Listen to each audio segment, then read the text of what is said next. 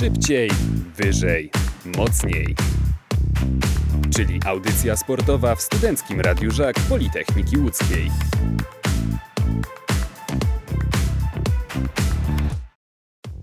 Samo wydarzenie, jakim są derby, może wywoływać wiele emocji, zaczynając od zmiany pozycji w ligowej tabeli, a kończąc na medialnym chaosie wokół miasta. To, co z największym wysiłkiem i przekonaniem wywołują łódzkie derby, to emocje.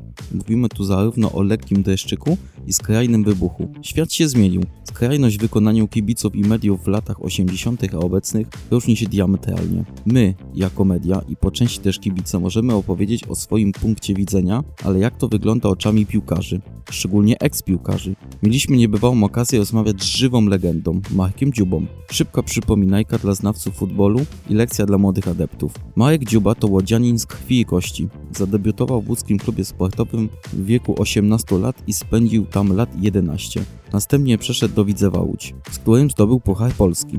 Wśród największych sukcesów pana Marka wyróżniamy legendarne trzecie miejsce z reprezentacją Polski na Mistrzostwach Świata w Hiszpanii w 82. Po kilku latach za zgodą komunistycznych władz został puszczony za granicę do belgijskiego Benjaminka Sint-Truiden, gdzie w 1992 zakończył piłkarską karierę. Potem przyszedł czas na wejście w buty szkoleniowca. Będąc trenerem ŁKS-u doprowadził ówczesną ekipę do Mistrzostwa Kraju, by później po przejściu na ławkę łódzkiego Widzewa zdobyć wicemistrzostwo Polski. Marek Dziuba w swojej piłkarskiej karierze brał udział w 22 meczach między łódzkimi klubami, 17 dla ŁKS-u i 5 dla Widzewa.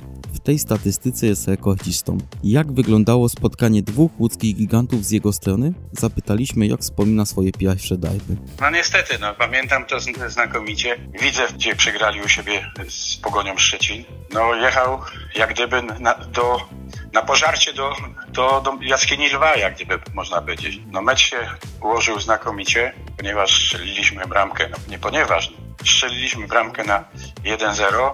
Strzelił to Jasiu Mszyca świętej pamięci, znakomity piłkarz. A później nastąpiła katastrofa. No 1-1, no i później słynny rzut karny z racji tego, że Tomek założył się, czy, od, czy, czy odwrotnie, czy Tadek Błachno założył się z Tomkiem, że jeden strzeli, a drugi nie strzeli, obroni, prawda? No niestety Tadziu wykorzystał 2-1, no i przyszła porażka.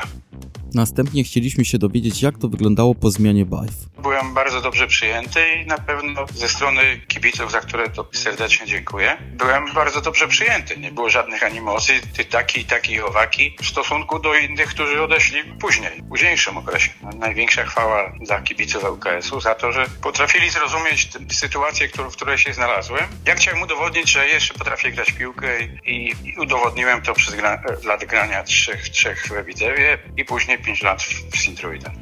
Na koniec podpytaliśmy o punkt widzenia derbów z pozycji ławki trenerskiej. Inna atmosfera jest jako zawodnik, inna atmosfera jest w osobie trenera, prawda? Tutaj przeżywa się jako, jak, jako zawodnik, przeżywa się w, w swoim gronie. Każda, każda jakaś sytuacja, która może rzutować na, na, na, na, zachowanie podczas meczu w gronie rodzinnej, może decydować o tym, jaki nastrój będzie przed tym, przed meczem. No. no trener musi od, okiełznąć grupę 20 ludzi, 18, prawda? Każdy ma inny charakter i, i usposobienie. No jedna, jedna najważniejsza rzecz w tym wszystkim to była to, że to było wielkie święto Łodzi i tego nikt nam nie odbierze. To uzupełnienie, nawet jeśli to cudze wspomnienia, pozwoli nam w pełni duchem i dla szczęśliwców ciałem na odbiór tego święta Łodzi w pełnej krasie. Szybciej, wyżej, mocniej. Czyli audycja sportowa w Studenckim Radiu Żak Politechniki Łódzkiej.